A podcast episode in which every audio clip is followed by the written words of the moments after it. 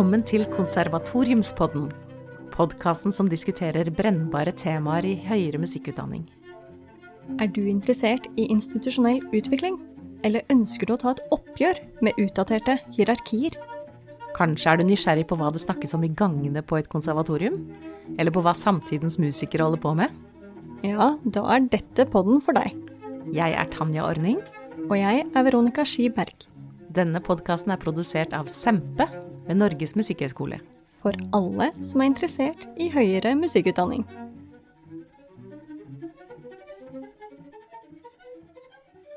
Dette er jo første episode i Konservatoriumspodden.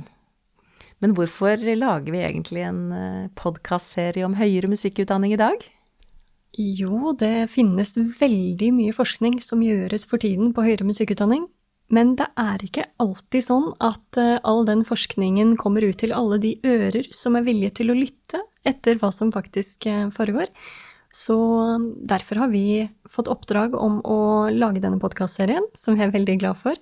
Dette er da som sagt på oppdrag fra Sempe, som er et senter for fremragende utdanning i utøvende musikk ved Norges musikkhøgskole. Og dette senteret har eksistert i snart ti år og jobbet med en hel haug av FoU-prosjekter, altså forskning- og utviklingsprosjekter, i, i, hele Norge på høyere musikkutdanning. Så det blir gøy å fortelle om de tingene som har skjedd der. Men hvordan havnet du oppi dette, Tanja? Jeg er jo cellist og komponist innenfor det eksperimentelle feltet. Og jeg har en doktorgrad i oppføringspraksis om samtidscellisten. Og så har jeg forsket i Sempe eh, på fremtidens musiker. Og dette er jo også fag som jeg underviser en del i på Musikkhøgskolen, så jeg har eh, stor interesse for utviklingen innenfor høyere musikkutdanning. Og du? Ja, jeg har eh, ikke vært tilknyttet like lenge, men jeg, jeg, har også vært i Sempe i noen år nå. Jeg jobbet med et doktorgradsprosjekt som handler nettopp om institusjonelle endringer og, og institusjonell politikk i høyere musikkutdanning. Og eh, i dag forsker jeg ved Sempe. Og eh, i bunn så er jeg utdanna komponist og musikkviter. Og alltid vært veldig opptatt av hvilke, hva slags institusjonell kultur som ligger og ligger og ulmer liksom i veggene til konservatoriet. Syns det er kjempespennende. Og det skal vi jo snakke om i denne podkastserien, som brer seg utover fem episoder i denne sesongen. Og i denne første episoden skal vi snakke om konservatoriet ut av bobla. Og hva er egentlig bobla? Å, bobla er Vi bruker det som en metafor i denne åpningen fordi det er noe man hører rundt omkring i gangene. Å, vi er inne i bobla, å, det er så trygt og godt inne i bobla, å, det er fint her. Eh, og så er man ferdig på studiene, og så plutselig så er man utenfor bobla. Og det, det er hovedsakelig min assosiasjon. Eh, hva er det du assosierer med bobla? Det er jo det du sier, ved at det kan være et slags drivhus, en, en beskyttet sfære hvor man får dyrke um, ulike egenskaper og ikke minst alt den, det håndverket som trengs også for å bli en god musiker, uh, uten at det skal være for mye press utenfra. Men det er vel også det at, uh, at klassisk musikk er beskyldt for å være ja, kanskje litt eksklusiv, at det handler også om uh, om hvem som har tilgang til den bobla, at det er innafor, utafor bobla. Eh, også at klassisk musikk har en sånn eh, autonomi, at, at, det er beste verket, og så høy kvalitet, og det er på en måte så fantastisk innenfor den bobla for dem som skjønner det og forstår det, som er innviet, mm. mens de utenfor bobla ikke har forstått det. Så mm. det er liksom flere ja, kanskje flere typer bobler? Å, det tror jeg absolutt. I eh, i, i, Den tenkende kunstner, som er boka til Bjørn Kruse, komponist, han snakker jo om ulike bobler. Han bruker en sånn sirkelmodell som forklarer at eh, en cellist og en cellist snakker annerledes sammen enn en cellist og en slagverker gjør, enn en eh, cellist og en skuespiller gjør, eller enn en komponist og en arkitekt gjør. Altså, vi, vi er fra litt ulike bobler uh, inni, inni bobla. Og, uh, men felles er at vi er inni inni den samme bobla da, når vi er innenfor høyere musikkutdanning, sånn at vi har veldig mange fellestrekk allikevel, og at vi må lære å snakke eh, på tvers av denne beskyttende hinnen, da, og lære å snakke med hverandre. Og grunnen til at klassisk musikk er så sentralt eh, akkurat i denne episoden, som handler om konservatoriet, er fordi konservatoriet bygger på den europeiske eh, tradisjonen til hvor klassisk musikk ble institusjonalisert. Og man kan trekke linjer tilbake til 1700-tallet, faktisk, hvor, eh, til Napoli, hvor eh, foreldreløse barn ble undervist i musikk. Men eh, mer om det kan man høre fra Musikknerdepodden, hvis man er interessert i det. De har en fin episode om det. Og eh, for historien til konservatoriene i Norge, så kan man også se mer på Musikkhøgskolens historieprosjekt. De går nærmere inn på dette. Det vi skal gjøre i denne episoden, er å snakke om en hel haug med andre typer ting, som verktrøye, og performer agency og publikumsarbeid, um, hva som gjøres for at konservatoriet skal gå ut av bobla, og hvorfor vi har havnet i en situasjon som gjør at vi eksisterer i en boble i det hele tatt. Vi har også med oss eh, en eh, gjest, Henning Kraggerud, som skal snakke om eh, hvordan han ser på den klassiske musikkens stilling i dag.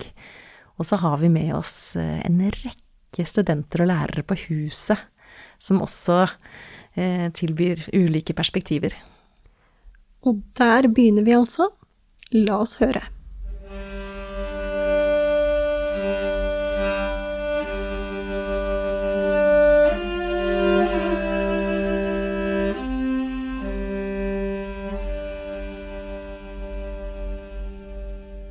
Hva rolle tenker du klassisk musikk har i dag? Mye av musikk, måten vi spiller musikk på i dag, er bygget på den arven fra den eldre musikken, da. Så jeg tenker at den spiller en viktig rolle, og skal spille en viktig rolle i musikerutdanningen, men at det går an å vekte det litt uh, ulikt enn det vi gjør nå, da. Personlig tror jeg at den klassiske musikken bærer noen emosjonelle verdier, noen dannelsesverdier, som har som i sin tid, da musikken var ny, også var formativ for dannelsen av det moderne samfunn, for moderniteten, for demokratiet, og fremdeles fungerer i denne hva skal man si, oppdragende tradisjonen for å anskueliggjøre og sanseliggjøre en hel mengde av de tankeformer som fremdeles er viktige for å opprettholde modernitet og, og, og demokrati. Jeg tror fortsatt at den tradisjonen liksom forvaltes, og at, eh, at den ikke forsvinner, liksom, er det første. Det er så godt innarbeida, i hvert fall i en europeisk kultur. Um, at den, den, står liksom tidens tann også. Uh, men det er jo ikke tvil om at uh, jeg liksom Jeg håper jo at klassisk musikk åpner seg for litt flere stemmer.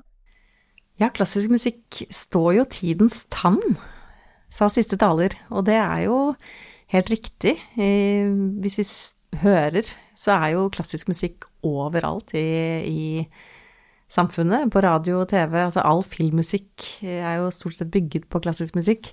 Og ikke minst eh, altså, populær musikk, altså klassisk musikkarven, er jo høyst til stede. Ja, mye rockemusikk er jo også basert på barokkmusikk, og mye eksperimentell musikk bygger jo videre på, på tradisjonell musikk. Altså vi alle bygger på noe. Og det blir jo også presisert at det er kanskje den viktigste byggestenen i konservatoriet. Det, det er den musikken som ble institusjonalisert med konservatoriet. Og jeg syns også det er interessant at det ble poengtert at denne musikken hadde noen dannelsesverdier som var formative for samfunnet den gang da. Og i et kulturhistorisk perspektiv så ser man jo den europeiske tradisjonen som helhet bre seg utover, uh, utover verden, da, etter hvert som ting har blitt globalisert. Og norske komponister òg dro jo til Europa og kom tilbake med kunstmusikk. Og dette fellesskapet som denne arven skaper for konservatoriet, er jo helt sentralt. Og slik er det jo i dag også. Altså den felles europeiske kulturarven som gjør oss til, eh, ja, hva skal man si, globale borgere. Fordi mm. kunsten har jo ingen grenser. Nei, og det er sant. La oss høre hva resten sa. Hva rolle tenker du klassisk musikk har i dag? Ja, jeg tror at uh, veldig mange flere folk har anlegg for å like det, enn dem som per dags dato liker det, da, fordi de kanskje ikke har fått muligheten til å finne ut at de liker det. Så eh, jeg håper at eh, det er et veldig bredt publikum. her, Av masse unge og gamle mennesker og folk fra forskjellige steder og sånn.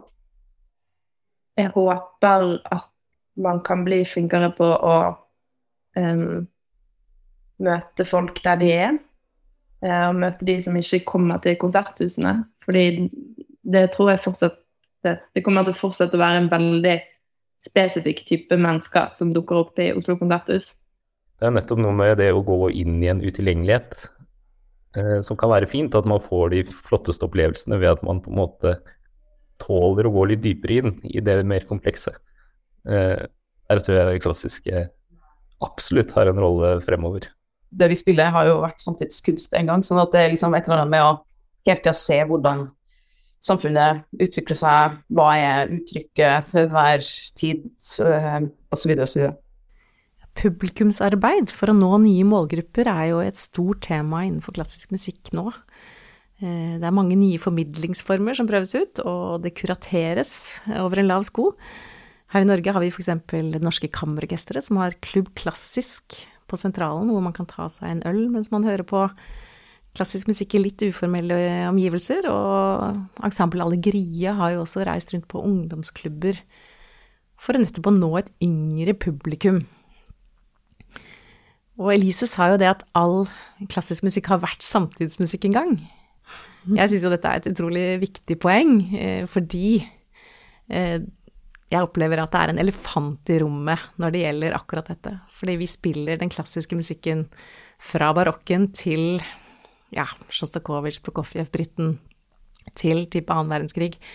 Og vi spiller nesten ikke musikk fra de siste 70-80 årene. Nei, det er faktisk eh, helt sant.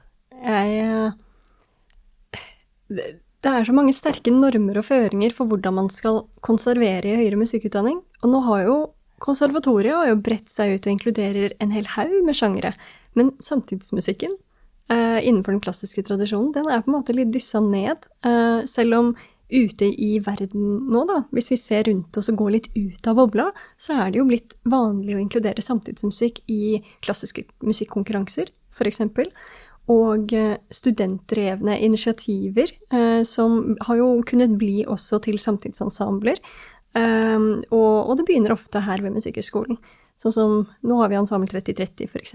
Men en rekke av de andre samtidsensemblene kommer jo også fra studenttilværelse, som har sprunget ut derfra. Av studenter som ønsker å drive med musikk som er skrevet i dag, eh, og ikke bare den musikken som, som er for eh, 200 år siden.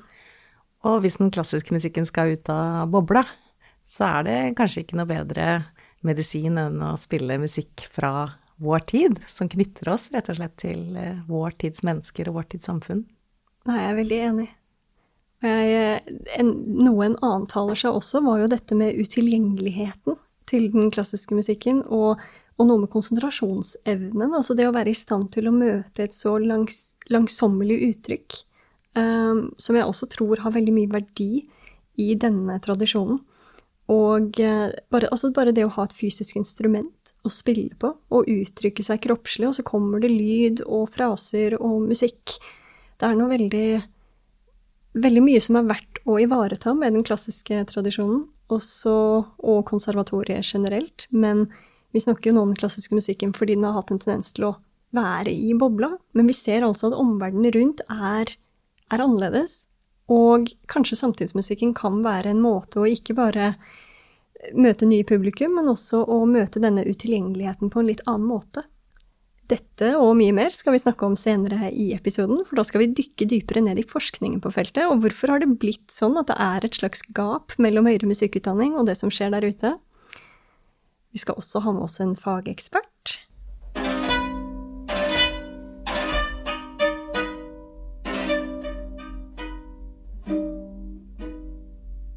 Henning Kraggerud er første gjest i vår nye podkast.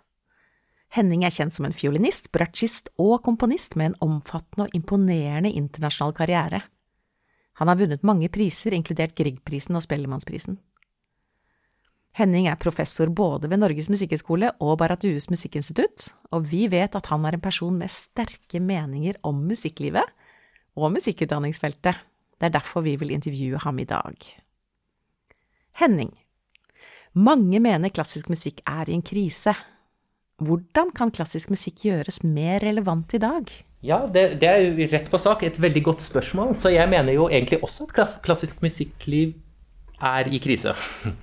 For å si det sånn, Og store deler av samfunnet er i krise. Sånn at eh, vi har bygd, bygd, opp mange flotte strukturer. Eh, men så har forskjellige eh, ting som er ment å hjelpe samfunnet, utdanningssystemet og alt, begynt å leve sitt eget liv. Og så er spørsmålet hva gjør man da? Skal man liksom lage nye reformer og, og nye strukturer for å bedre på det. Men det jeg tror, er at man skal bruke det eksisterende, det Norges musikkhøgskole som fins i dag, og de symfoniorkestrene som fins i dag, og den norske skole og de lærerne som fins, og så se etter om man kan fylle dette med en ny type innhold, en ny type kreativitet. Gi ansvaret tilbake til lærerne. Ikke tro at politikere kan vedta absolutt alt i, i, verden heller, men rett og slett spørre lærerne har dere en kreativ måte dere kan undervise bedre, og så på, på, en måte gjøre ting litt mer lokalt. For jeg ser at mange av de store systemene, og det jeg kjenner aller best, er jo klassisk musikk. Den kirken vi har bygget rundt klassisk musikk, tror jeg ikke helt på, men jeg tror jo mer enn noensinne på musikken. Så musikkens kraft, altså som man kan si at det er min gud, musikken er min gud tror jeg på mer enn noensinne. Men den kirken vi har bygget opp, har begynt å leve sitt eget liv. Og da er det jo liksom sånn, hvis man sammenligner med katolske kirken eller opp gjennom tiden, det er ikke sikkert at eh, alle deler ved en institusjon er verdt å ta vare på videre. Men når no, noe eksisterer, så, og jeg tittet tilbake på historien, så har jeg alltid tenkt på at hver gang noen river ned alt som fins for å erstatte det med noe nytt, så pleier ikke det å gå så bra at det er bedre på en måte å fylle alt det som eksisterer, med ny innhold, og rett og slett se at den ressursen som fins i alle, f.eks. alle lærere og alle som jobber innenfor samfunnet, hver av de enkeltmenneskene har antagelig lyst til å være mer kreativ og, og, kunne bruke sine beste sider, hvis de får lov. Og da er det jo veldig viktig å ikke tre reformer eller tvangsetterutdanning på noen som egentlig allerede gjør en god jobb, bare fordi de mangler karakteren 4 i matematikk som tilfeldig valgt, e, eller andre ting. Sånn at eh, så er klassisk musikk på en måte i en slags meningskrise. Ja, det har det vært, og det har blitt tydeligere nå pga. koronaen. Og da tenker jeg, når vi skal bygge opp igjen nå, så har vi muligheten, en gyllen mulighet til å kunne begynne å bygge opp et samfunn som er enda mye bedre enn det som var før eh, pandemien kom.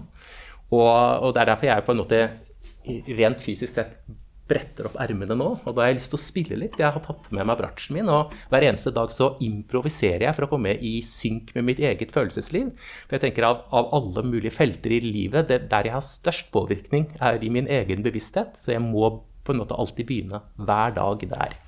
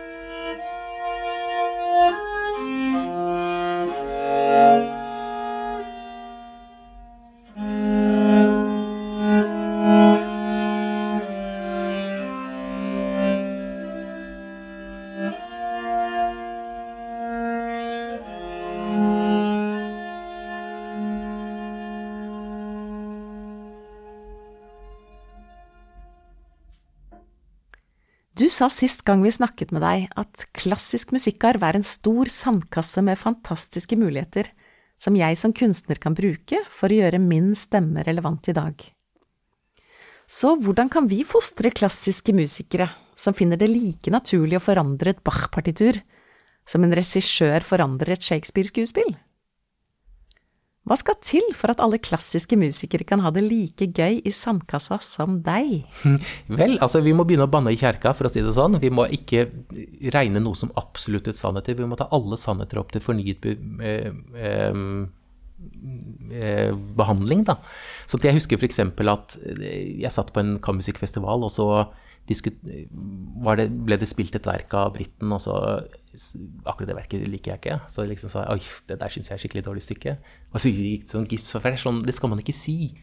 Det, liksom, for briten blir regnet som en av de store, og da, liksom, er han en hellig. Det skal man, ikke. Så jeg føler litt at vi har masse hellige kuer i klassisk musikk. Jeg syns at Berlioz har skrevet masse søppelmusikk. Eh, over til Benvenuto Cellini fortjener ikke å bli spilt litt mer interessant med symfonifantastikk. Men det i det hele tatt å si meningen sin, føler jeg av og til er sånn Kan man si det? Jeg ble spurt om å spille en ganske kjent samtidskomponist, liksom. Eh, og så eh, hadde, kjente jeg ikke stykket, hørte på det, så svarte jeg ærlig. Og det, bare det er utrolig uvanlig. De spurte ja, men hvorfor vil du ikke spille, har du ikke tid? Liksom. Nei, jeg liker ikke, likte ikke dette verket. Ja, men han er jo anerkjent, liksom. Sånn at Keiserens nye klær innen alle felter. Det må være lov å diskutere hva man vil og hva man skal gjøre. Og ergo da f.eks. at ordtekstutgaver er veldig fint, jeg kjøper jo det på Bach, men liksom det går an å forandre ting. Det går an å gjøre ting. Bach selv sa jo at eh, trekk ut harmoniene fra mine stykker og improvisere og komponere egne stykker over det, sa han til sine studenter. Det kunne man jo gjøre mer av. Altså jeg mener Det fins dublésatser til Håndballpartiet. Han skrive noen variasjoner av noen shadow-suiter. Altså stimulere til at man ikke eh, har en sånn der hellig skrift. Altså Jeg føler ofte klassisk musikk er mer dogmatiske enn religion. da. Og selv paven er mer eh, liberal enn eh, vi er. Sånn at liksom Hvem er vel vi i forhold til den store Bach og Mozart? Det holder oss tilbake. Eh, velg de stykkene man faller for men også være nysgjerrig på ny musikk. Så Schumann, som jeg ofte nevner, han sa sånn På scenen skal man spille musikk man elsker. Man skal også vise nysgjerrighet for om man kan elske nye ting. Men når man er på scenen, da skal man ikke på en måte gjøre noe som ikke er ens egen stemme. Så må, det, Wergeland, vær tro mot deg selv. Man må være tro mot seg selv rett og slett finne ut at hvis jeg syns at Bartok strykekvartett egentlig er litt kjedelig, så skal ikke jeg liksom Nei, men, men, det er jo egentlig helt fantastisk. Å tro at det er noe galt med meg, da er ikke det kompatibelt. Da er ikke det riktig for meg. Men hvis jeg syns at det er uforståelig, men interessant, kan, kanskje det kan bli riktig for meg. At jeg kan vise interesse. Men mennesker er forskjellige, så jeg tror man kommer lengst hvis man forfølger noe som man er genuint interessert i. Så egentlig vår oppgave er kanskje å eksponere studentene for nok ting, så de kan finne ut hva de er interessert i. da. Eh, sånn at de kan finne sin nisje. Sånn at hvis du har gått gjennom eh, Musikkhøgskolen i fire år som mange, og aldri improvisert eller aldri komponert, det er jo litt trist. Da vet du ikke om du er god i det engang. Altså, du vet ikke om du kommer til å elske det. Sånn at jeg bruker klassisk musikk som et språk. da, Bruker alle deler av det. Og så vil man kunne da finne ut hva er riktig for min stemme. Men banne i kirken, det er liksom mitt, min første ting improvisere vilt, bruke Gjøre hva egentlig Kunstnerisk frihet. Ta seg den friheten. Ikke egentlig vente på at man får den heller. Men hvordan kan vi bidra til å skape dette trygge rommet for studentene? Så de føler de kan si makta midt imot og banne i kjerka, eller si at nettopp denne sonaten av Beethoven ikke er så god som den andre. Nei, altså man må se de hersketeknikkene som brukes, da. Sånn at jeg, jeg, når jeg jobber som solist, så møter jeg ofte dirigenter som bruker Noen av dem bruker litt hersketeknikker av og til, men jeg leter etter de avvæpnende spørsmålene, da. For det, blant ting som ikke er lov Det er tydeligvis lov å gjøre ritardandoer og sakke litt, men det er aldri lov å øke, egentlig. Så av og til sier en dirigent liksom til meg sånn Du øker. Og da svarer jeg ja, liker du det? For det vil jeg at han skal kunne ta stilling til. For det man vet jo fra brevene til gamle komponister, og selv om man ikke visste det, så kunne vært det, at en sånn frihet i tempo, det er også en frihet. Hvorfor skal man bare gjøre det som står i noten, eller var det kanskje underforstått?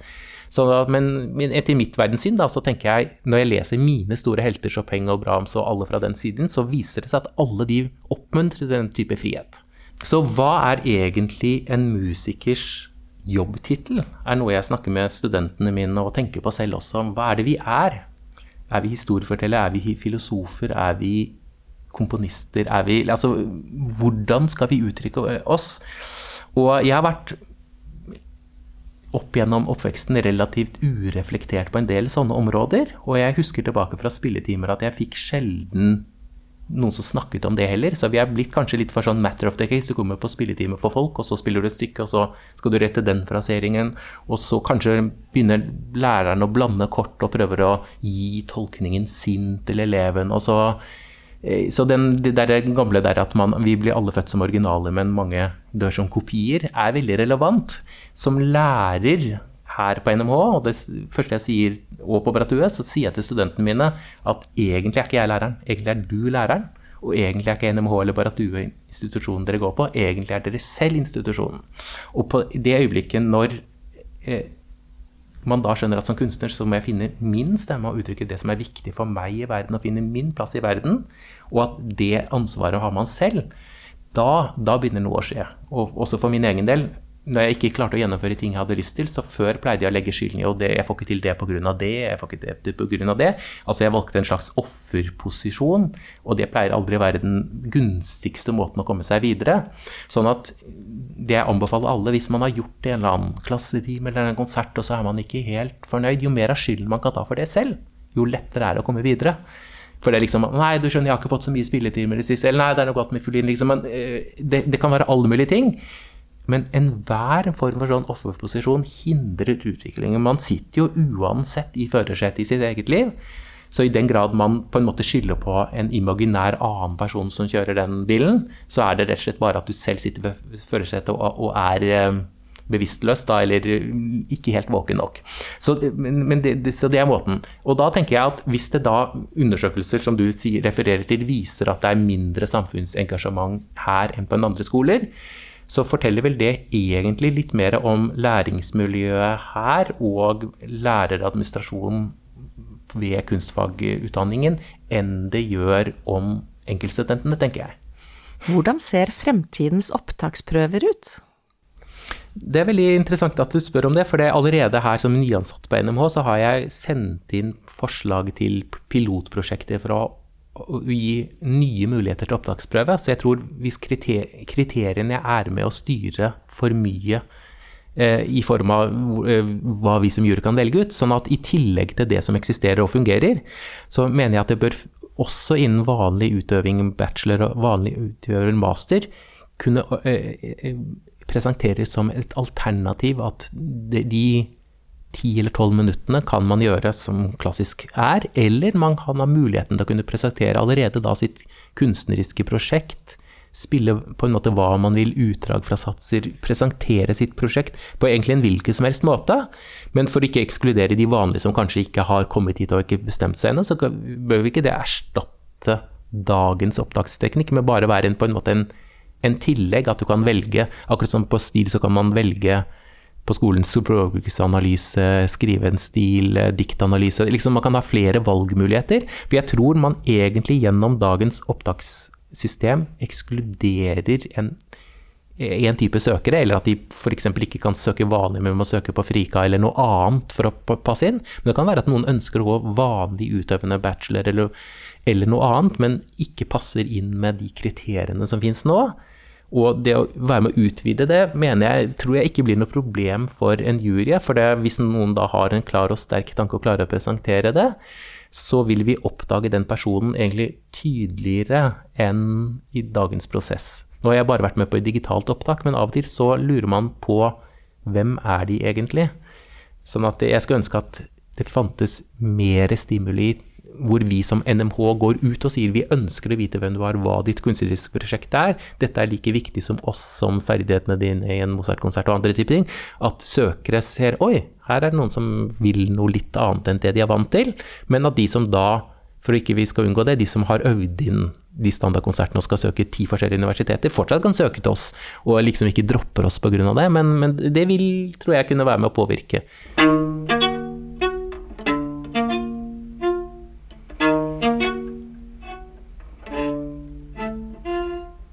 Henning snakker jo her om at vi må banne Kirken. Og denne religionsmetaforen bruker også den britiske musikkforskeren Daniel Leach Wilkinson. Han har en podkast som heter Challenging Performance, Classical Performance Norms and How to Escape Them. Og Der snakker han om at denne nærmest religiøse troen innenfor klassisk musikk er den største hemskoen for en mer kreativ praksis.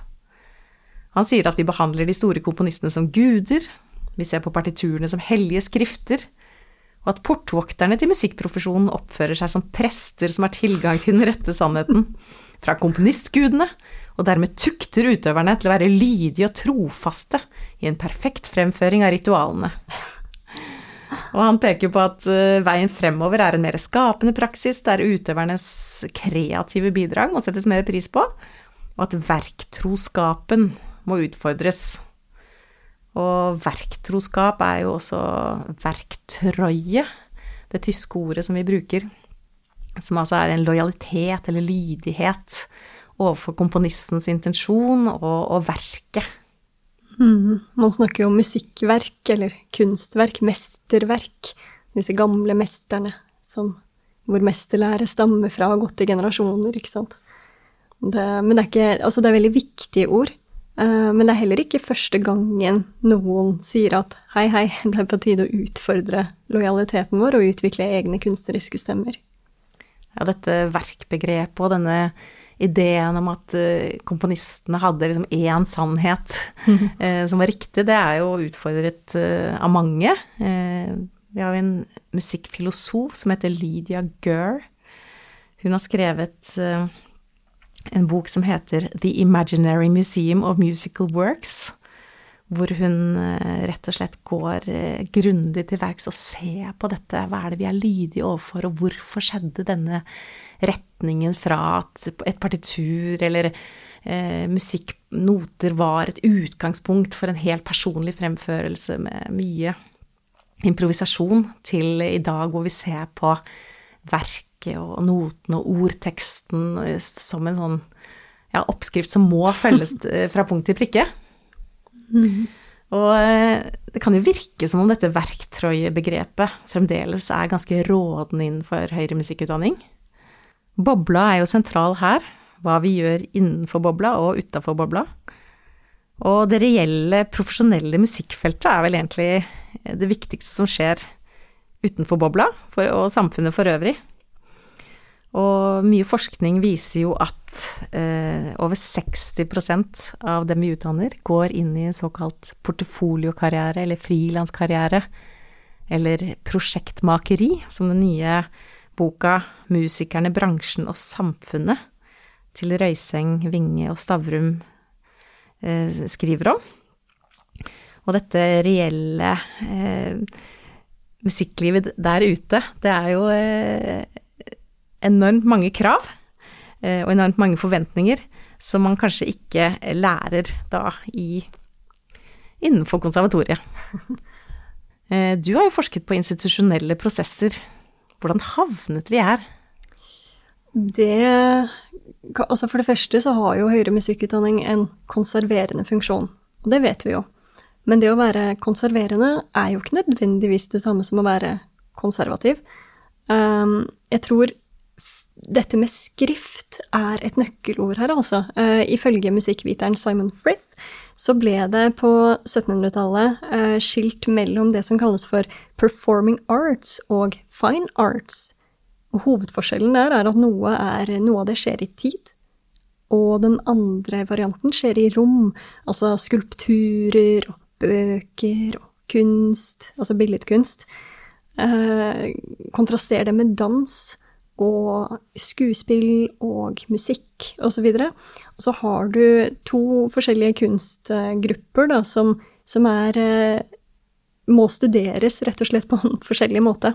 Sånn at logikken her er at med tiden, etter hvert som høyere kunstinstitusjoner etablerte seg For før så var det jo mange kunstfelt, gikk jo litt sånn over i hverandre, men det ble mer og mer spesialisert, det er det ene. Og det andre er at for å studere musikk, så var det vanskelig å gjøre det i tiden når det skjedde. Det var lettere å, studere notene. Sånn at mye musikkvitenskap belager seg jo på klassisk musikk rett og slett fordi at det var det som fantes av notebildet, og mye historiske analyser osv. Og, så og grunnen til at dette ble gjort, henger også sammen med en slags legitimeringskamp. Ja, og når du snakker om skriften, så er jo det at musikkvitenskapen har vendt seg så sterkt mot eh, litteraturvitenskapen og nettopp skriftlighet, Ja. istedenfor at den vender seg mot teatervitenskap som handler om fremføring. Det er jo helt sånn påfallende trekk ved musikkvitenskapen. Ja, absolutt. Og, og grunnen til at dette er veldig interessant, er at musikkvitere måtte legitimere musikken sin plass i akademia i løpet av eh, sin, sin tid, da, når det ble institusjonalisert. Sånn at i løpet av 1900-tallet f.eks. så slo jo naturvitenskapen ut i full blomst. Matematikk og fysikk og alle disse eh, positivistiske vitenskapene. Og for å ha en plass så måtte du kunne legitimere og se på her, og vi kan analysere slik og slik, og skriftliggjøre det, og levere det, og rapportere det, og dokumentere det. Sånn at eh, da ble jo den klassiske musikken de hellige skriftene. Og eh, det er andre musikksjangre som har vokst frem i popularitet i senere tid, men de har ikke blitt institusjonalisert på den måten. Eh, den klassiske kanon var jo det som fikk rotfeste, da, som disse mesterverkene som man måtte følge. Og eh, altså dette med verktrøye er jo ikke utelukkende bare en klassisk ting, egentlig. Det er mange andre sjangre som også får ulike kanon, eh, men det skal vi snakke om i, i en annen episode. Eh, For nå så ser vi at ja, ok, de hellige skriftene er da den klassiske musikken som vi bygger på, men, men hva nå? Skal vi banne i kirka? Skal vi gå imot disse skriftene? Det er veldig mange prosjekter som har begynt med improvisasjon, f.eks., som en måte å frigjøre den kunstneriske stemmen på. Så vi har f.eks. hatt Friklassisk med Geir Lysne. Ja, det er et veldig spennende metodikk han bruker, eh, hvor han tar utgangspunkt i klassiske verker, og bruker idiomer fra klassisk musikk, altså tonespråk, gester, melodiske fraser, som eksempel tar utgangspunkt i et verk som Faunens ettermiddag, eh, og nærmest har en sånn analyse hvor man trekker ut visse parametere og, og, og stemninger og, og kanskje harmonikk, melodikk derfra, og blander det i en mer sånn fri improvisasjon som helt klart har rammer, og han jobber jo helt sånn metodisk med, med forskjellige altså workshops med verktøy og, og tankeganger og sånn, men hvor eh, resultatet er rett og slett en helt sånn fri mm. Ja, jeg syns jo fri improvisasjon er et meget vanskelig begrep, for det er ingenting er fritt. Altså vi er og har alle en forforståelse og en bagasje med oss. Eh, Men rett og slett begrepet friklassisk eh, er det han bruker, da. Ja, det er fint. Og det er, eh, apropos frigjøring, så kan vi jo ikke unnlate å nevne at disse ulike musikkkanon henger jo også sammen med hvem som er inkludert og ekskludert i, i dette bildet. og Det skal vi også snakke mer om senere i podkastserien. Um, og det er viktig å reflektere over også med tanke på publikumsarbeid, da, ikke minst. Eh, hvem er det vi spiller musikk av? Hvem er det vi spiller musikk for? Altså på mange måter kan vi si at legitimeringskampen har vridd seg litt fra å dreie seg om dokumentasjon til å, til å dreie seg om formidling. Um, det er en annen måte å ha Her sitter vi og lager en podkast. Det skjer over øret, ikke via tekst. Tidene, tiden er i bevegelse. Mm.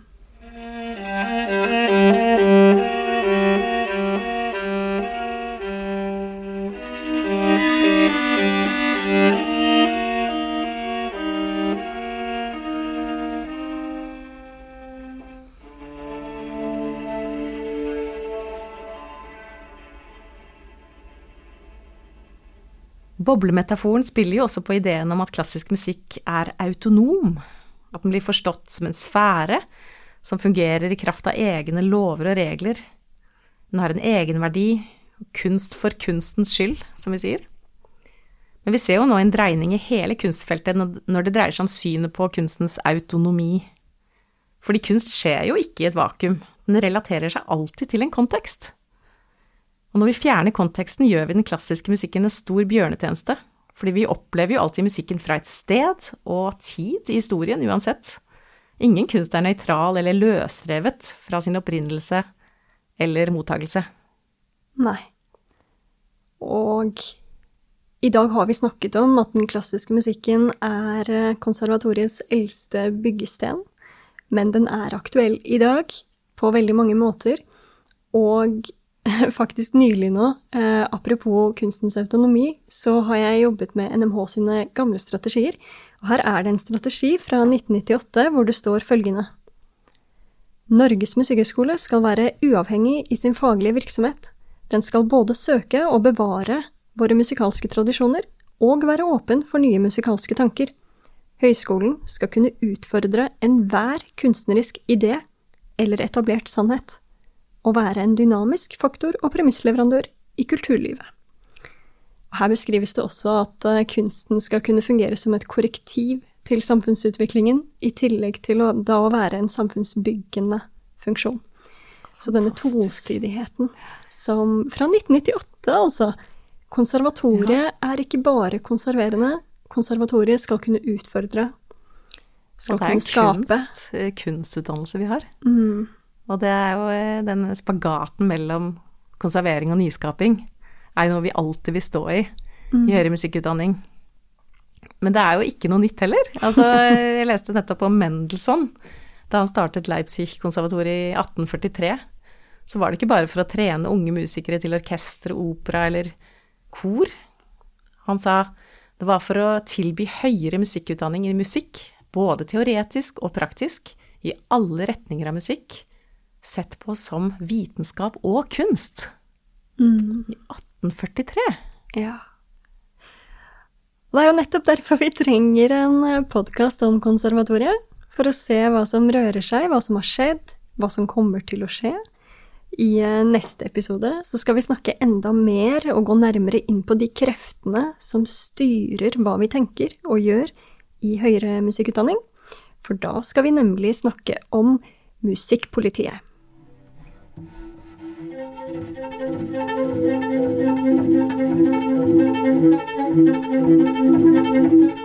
var første episode av Konservatoriumspodden. Vi takker Henning Kraggerud, som var med oss som gjest i dag. Vi takker også for utsagn fra folk på huset. Anna Berg, Lasse Thoresen, Anna Rødevann, Ragnar Rian, Siri Storheim, Ole Martin Solberg og Elise Båtnes. Du kan lese mer om podkasten på nettsidene til Musikkhøgskolen. Jeg er Tanja Ordning. Og jeg er Veronica Skiberg. Vi høres.